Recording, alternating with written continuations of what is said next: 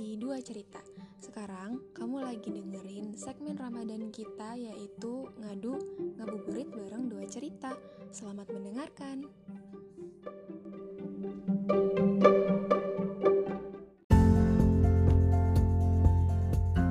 Hai teman cerita, balik lagi, ketemu lagi sama kita di episode 9 Ngadu Ngabuburit bareng Dua Cerita. Nah, uh, di sini kita berdua lagi nih ada Tika di sini. Halo Tika. Halo. Eh, apa kabar Tik? Sehat? Alhamdulillah sehat. Makin ke sini makin sehat tau Ra. Oh gitu ya. Ya emang puasa kayaknya makin bikin fresh nggak sih? Iya. Bener-bener. Kayak ya berasa lebih ringan gitu badan. Ini kayaknya berat badan Tika ada turun nih kayaknya nih. Shh, diem-diem aja ya. turun banyak. ya nggak apa-apa sih. Sebenarnya Ramadan nih sarana diet yang efektif tapi tetap sehat ya nggak? Iya masih normal kok. Iya nggak apa-apa lah yang penting sehat ya. Oke deh uh, langsung aja nih kita mau bahas apa nih Tik kira-kira di podcast kali ini? Nah berhubung udah masuk 10 hari terakhir Ramadan nih Ra kita bakal bahas sunnah yang ada di 10 hari terakhir Ramadan. Wah apa tuh? Jeng jeng jeng jeng. Tahu dong kita bakal bahas tentang Itikaf, yes. Kita bahas tentang itikaf ya kali ini, Etik. Oke, yes. kita sama-sama tahu ya, uh, 10 hari terakhir bulan Ramadan itu udah sangat hits banget sama yang namanya ibadah itikaf. Nah, mungkin buat teman-teman pasti udah tahu lah ya itikaf itu um, gambaran besarnya gitu. Itikaf tuh tentang apa sih? Terus juga kalau di itikaf tuh ngapain aja, waktu-waktunya tuh kapan aja. Yang pasti waktu paling baiknya untuk itikaf itu adalah 10 hari terakhir bulan Ramadan. Nah, emang itikaf itu apa sih? Nih, buat mungkin uh, teman-teman yang masih pengen tahu lebih dalam tentang itikaf gitu ya. Jadi itikaf itu kita berdiam diri, berdiam dirinya seseorang di dalam masjid dengan niat ibadah kayak gitu. Nah, karena uh, kalau misalnya kita ngelihat sendiri tata caranya itikaf, terus kegiatan-kegiatan yang kita lakuin selama itikaf itu apa aja, pasti semuanya itu ngebawa kita ngedeket sama Allah pasti semuanya emang bener-bener sarana kita buat lebih deket banget sama Allah. Karena yang namanya itikaf dilakuinnya juga di masjid kan biasanya. Dilakuinnya pasti di masjid terus juga bener-bener kita ibaratnya mengurung diri lah untuk sama-sama beribadah sama Allah gitu. Secara private nih lebih private daripada ibadah-ibadah yang lain. Dan 10 hari terakhir bulan Ramadan ini ternyata bener-bener waktu yang bagus banget gitu buat kita ngelakuin itikaf ini gitu. Dalam hadis ada nih sebuah hadis dalam hadis riwayat Ibnu Umar, Anas dan Aisyah radhiyallahu anhu berkata bahwa Nabi Shallallahu alaihi wasallam biasa beritikaf di 10 hari terakhir dari bulan Ramadan sejak beliau tiba di Madinah sampai beliau wafat. Nah, jadi itikaf ini benar-benar udah udah mah pahalanya pasti banyak kan? Dari pengertiannya juga tadi kita lihat kalau itikaf ini ibadah kita yang maksimal banget ke Allah dan udah gitu sunnah Rasul pula makin berlipat lagi tuh pahalanya. Nah ngomongin soal itikaf nih dari tadi yang dijelasin. Pasti itikaf tuh banyak keutamaannya kan ya Tik ya? Makanya Allah tuh bener-bener mengistimewain banget nih soal itikaf. Nah kalau menurut Tika dari yang Tika tahu, apa aja sih keutamaan-keutamaan dari itikaf? Nah bener banget tadi tuh, itikaf itu banyak banget keutamaannya karena uh, tujuan kita itikaf itu pastinya untuk mendekatkan diri kepada Allah kan ya. Uh, ya kita berdiam diri di masjid dengan tujuan untuk mendekatkan diri kita kepada Allah. Jadi keutamaan yang pertama yang bisa kita dapetin itu adalah setiap saat kita akan mendapatkan pahala. Karena diamnya di masjid dalam rangka mendekatkan diri kepada Allah, pastinya kita ketika terjaga, kita mengisi waktunya dengan sholat, tilawah, zikir, berdoa, tadabur, tafakur. Jadi biasanya orang-orang yang itikaf itu banyak banget kegiatan-kegiatan ibadahnya. Bahkan istirahatnya mereka dari ibadah aja itu juga dinilai pahala oleh Allah. Jadi setiap saat kita itu mendapatkan pahala gitu.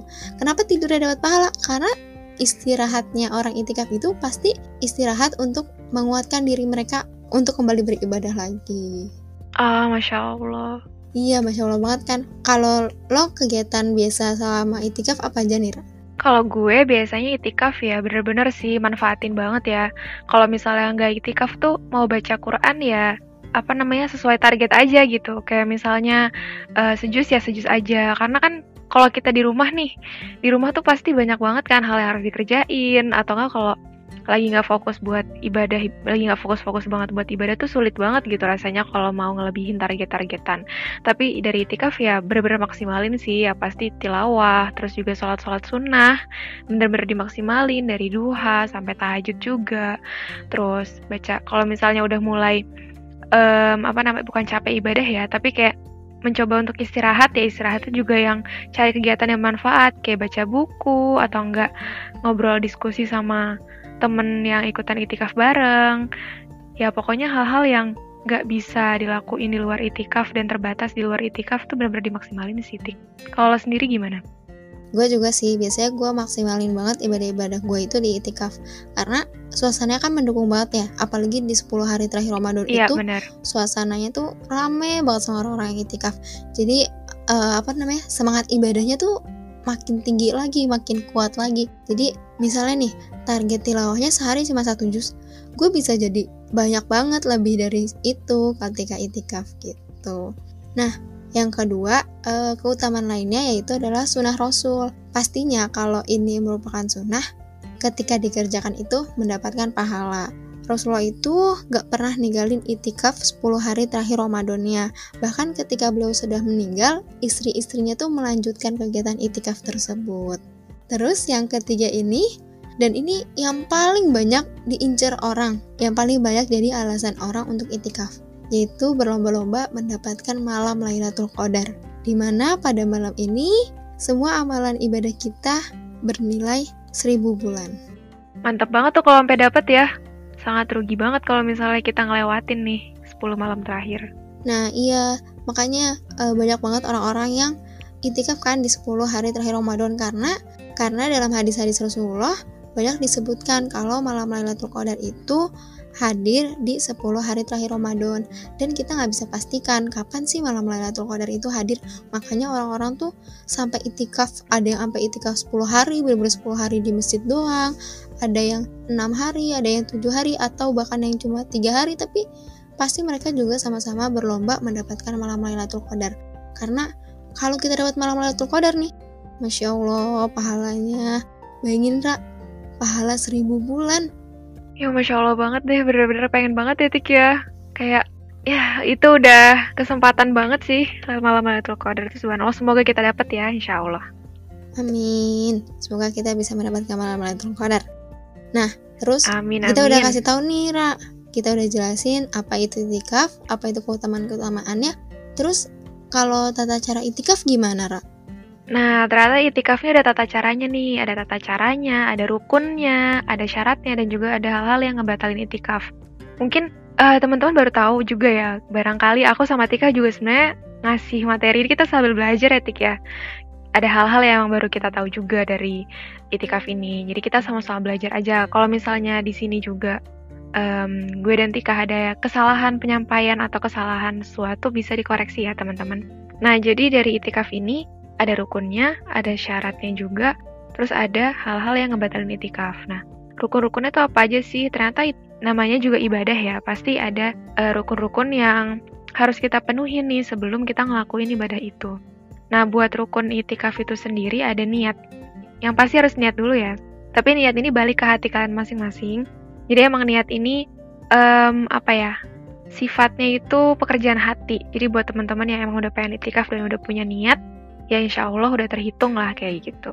Nah itu yang pertama. Untuk rukun yang kedua itu berdiam diri di masjid. Jadi yang pasti teman-teman yang mau itikaf dan niat itikaf itu harus berdiam diri di masjid kayak gitu. Nah berdiam dirinya ini bukan cuma diam-diaman doang ya Tik ya. Yang pasti yang pasti kayak yang tadi udah gue sama Tika sampein tentang um, itikaf itu kayak gimana, ngapain aja. Nah itu kita di masjid berdiam diri dengan sambil beribadah juga sama Allah gitu. Nah, itu rukunnya tuh. Nah, untuk syarat-syarat itikaf ini, ya kurang lebih hampir sama ya kayak syarat kita kalau mau ngelakuin sholat, puasa, kayak beragama Islam, kemudian berakal sehat, bebas dari hadas besar, dan tidak melakukan hubungan suami istri yang pasti kayak gitu. Jadi benar-benar itikaf ini kita lakukan um, secara khusyuk ya, secara khusyuk kayak kita beribadah aja biasa. Kayak kita beribadah puasa, sholat, dan yang lain-lain.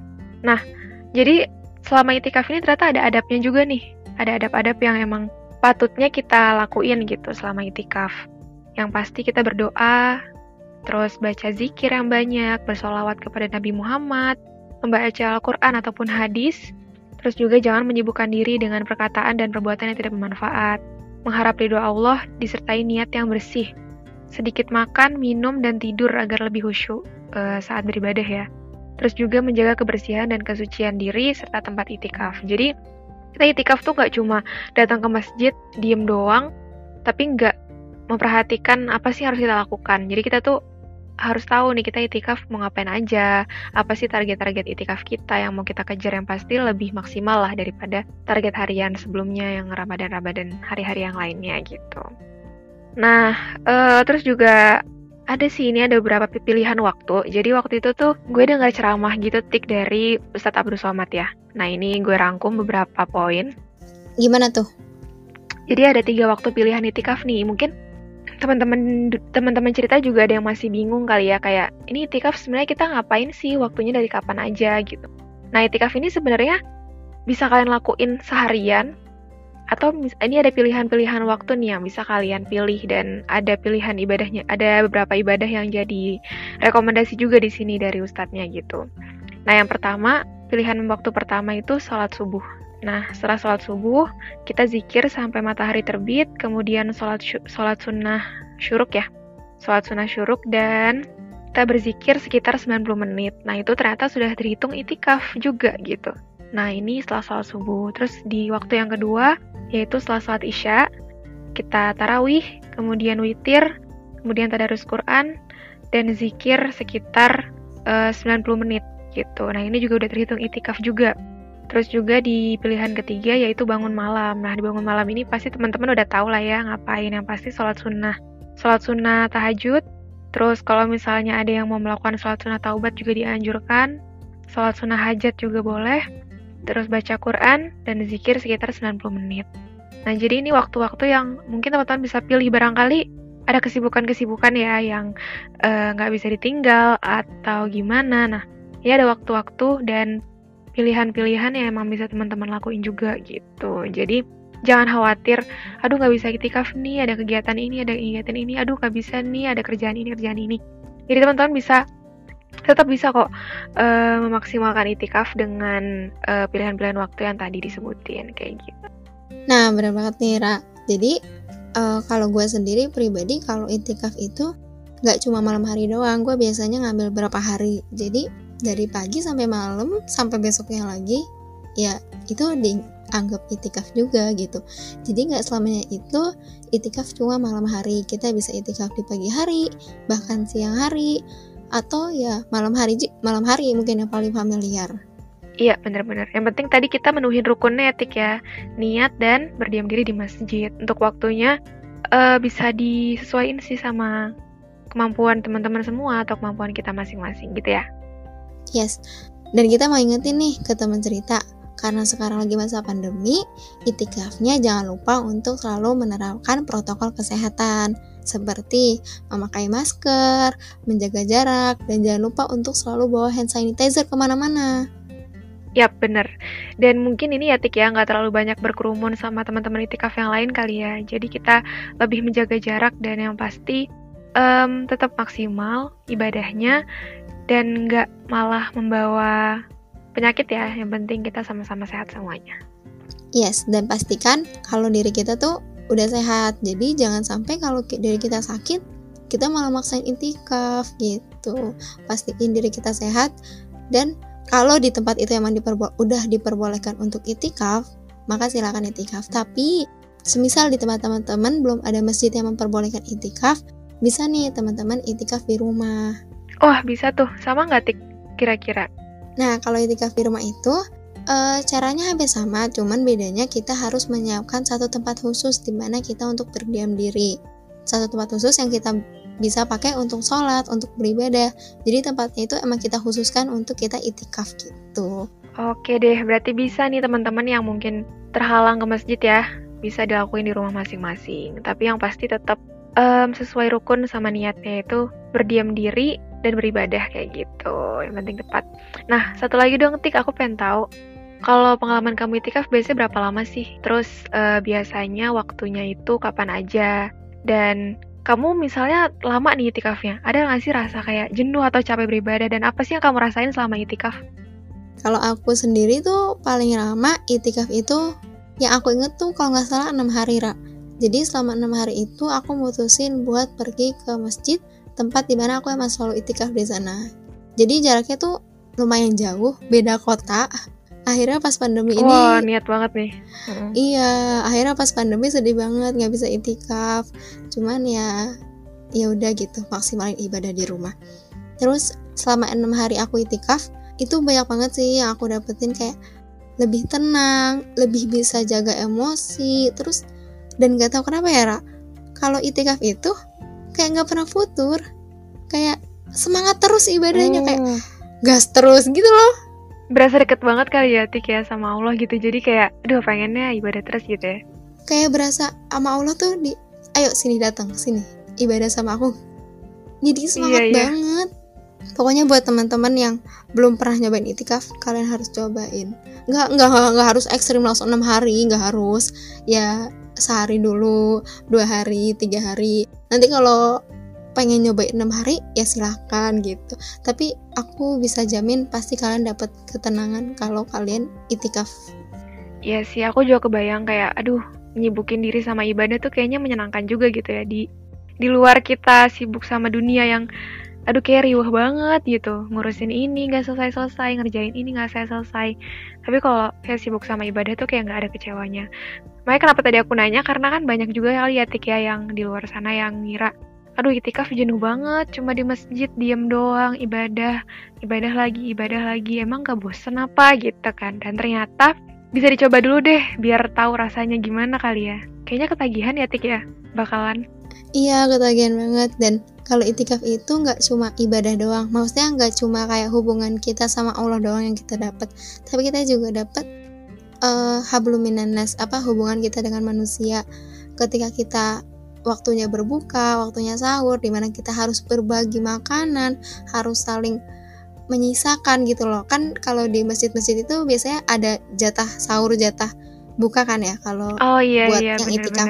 Nah, di mana kita harus di situ memporsi diri kita untuk jangan sampai ada jamaah yang nggak dapet gitu. Jadi kita belajar untuk berbagi juga di sana. Kita belajar untuk sabar, kita belajar untuk banyak-banyak hal lainnya. Jadi itikaf yang kita dapetin itu nggak cuma soal ibadah, tapi banyak banget pelajaran-pelajaran sosial, pelajaran-pelajaran sosial yang bisa kita dapetin ketika itikaf. Ya bener sih bener dan bisa saling nyemangatin juga ya Tik ya pasti ada teman-teman yang satu bareng-bareng itikaf sama kita atau mungkin rekan-rekan itikaf yang lain tuh kayaknya pasti bakal kalau kita ngeliat mereka ibadah aja kebawa semangat gitu ya kayak mereka aja semangat masa masa kita enggak gitu kan Dan kayaknya nggak bakal jenuh sih. Kayaknya nggak bakal jenuh. Mm-mm. maksudnya nggak bakal ngerasa capek karena kalian bisa temuin orang-orang tua yang semangatnya masya allah banget ketika itikaf dan itu jadi malu ke diri kita sendiri kayak ya allah ibu ini tiga hari hatam dan kita masih males-malesan kayak tuh Lara pokoknya pokoknya mah cobain aja Iyalah. itikaf tuh dicobain Mm-mm. jangan ditanya-tanya doang dicobain dicicipin enak kok Oke siap, jadi nggak sabar nih pengen itikaf juga nih. Ayo kita mulai ya, kita mulai mungkin eh berarti hari ini udah masuk ya, hari ini udah masuk ke 10 hari terakhir juga. Jadi bisa maksimalin lah teman-teman yang mungkin udah mulai libur sekolahnya, udah mulai libur kuliahnya, bisa tuh ngosongin hari-hari buat itikaf. Kayaknya lebih tenang juga ya, kita nggak sosmedan, kita nggak main HP terlalu berlebihan gitu ya. Kebayang sih kayaknya enak banget. Tapi jangan lupa ya untuk kabarin keluarga-keluarga di rumah kalau kalian lagi itikaf. Nanti katanya anak hilang. Nanti dicari-cari, nggak ketemu tadi di masjid. Iya bener banget, bener banget. Udah ngalor ngidur nih Ra. Udahlah, udah panjang banget kita ngobrol. Nah, dari semua yang tadi kita omongin, semoga bisa jadi motivasi ya buat teman-teman semua ya Tik ya. Biar kita bisa itikaf bareng-bareng di tahun ini, walaupun kayaknya bakal seru nih kalau misalnya kita lagi di kampus terus itikaf bareng-bareng ya Tik ya. Di masjid kampus, tapi karena sekarang lagi terbatas, jadinya semuanya harus di rumah masing-masing dan di Semoga Ramadan tahun depan kita bisa itikaf bareng. Amin, amin, amin, amin. Ya, eh, gitu aja. mungkin bahasan itikaf dari kita. Buat teman-teman yang misalnya tadi mau nambahin sesuatu atau misalnya mau bagi cerita juga tentang itikaf versi kalian atau kalian itikaf ngapain aja dan pengen sharing-sharing bisa ke email kita ya. Nanti kita taruh di description dari podcastnya. Dan semoga podcastnya ini bermanfaat dan menemani ngabuburit kalian dengan menyenangkan. Tika mungkin ada yang mau disampaikan dulu nggak sebelum kita close ini podcastnya? Dari aku mungkin udah cukup ya, cuma buat kayak, ayo semangat nih 10 hari terakhir Ramadan, jangan sampai kita nggak dapet apa-apa di bulan Ramadan. Pokoknya semangat harus dimaksimalin lagi. Siap, siap, siap. Ayo semangat kita. ya, uh, pokoknya uh, teman-teman semuanya jangan turunlah nih sayang banget nih udah 10 hari terakhir jangan sampai turun ibadahnya yang kemarin udah sempet jatuh mungkin ayo naikin lagi kita naikin sampai 10 hari ke depan dan semoga kita sama-sama dapat Laylatul Qadar juga ya Tik ya amin amin ya Allah amin. itu benar-benar kesempatan besar banget semoga kita dikasih anugerah sama Allah lah melalui malam Laylatul Qadar. Amin. Oke mungkin uh, itu aja Tik ya dari kita mungkin dari gue Ra dan dari teman gue. Tika uh, mungkin sekian dari kita ya sekian dari kita. Um, makasih buat teman-teman yang udah ngedengerin. Sampai jumpa di episode selanjutnya. See you. See you. Assalamualaikum